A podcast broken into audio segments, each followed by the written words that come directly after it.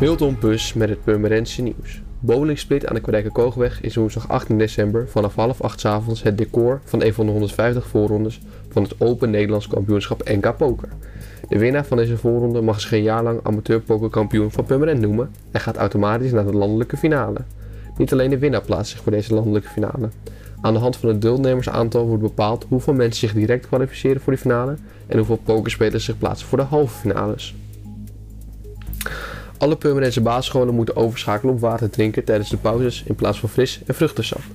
Dat is een van de maatregelen in het kader van de gezondheidsbevordering in Purmerend, een initiatief van het college. Jongeren krijgen daarin veel aandacht, onder meer omdat er in die leeftijdsgroep regelmatig overgewicht voorkomt. Het terugdringen van het gebruik van suiker is een van die manieren om de jeugd gezonder te maken. Daarom moet er meer water worden gedronken.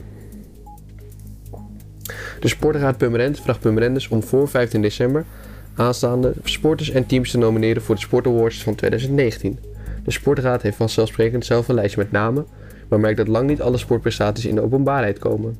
En dus vraagt ze Purmerenders om tips. Waarschijnlijk zullen er 10 tot 12 genomineerden overblijven. Die worden uitgenodigd om op 13 januari naar de nieuwjaarsreceptie van de Sportraad te komen. Tijdens de bijeenkomst in de Beuk wordt bekendgemaakt wie de Sport Award 2019 heeft gewonnen. Sporters en of teams nomineren kan per mail via sportaward.sportraadpurmerend.nl Voor meer nieuws, kijk of luister natuurlijk naar RTV volg je onze socials of ga naar rtvpurmerend.nl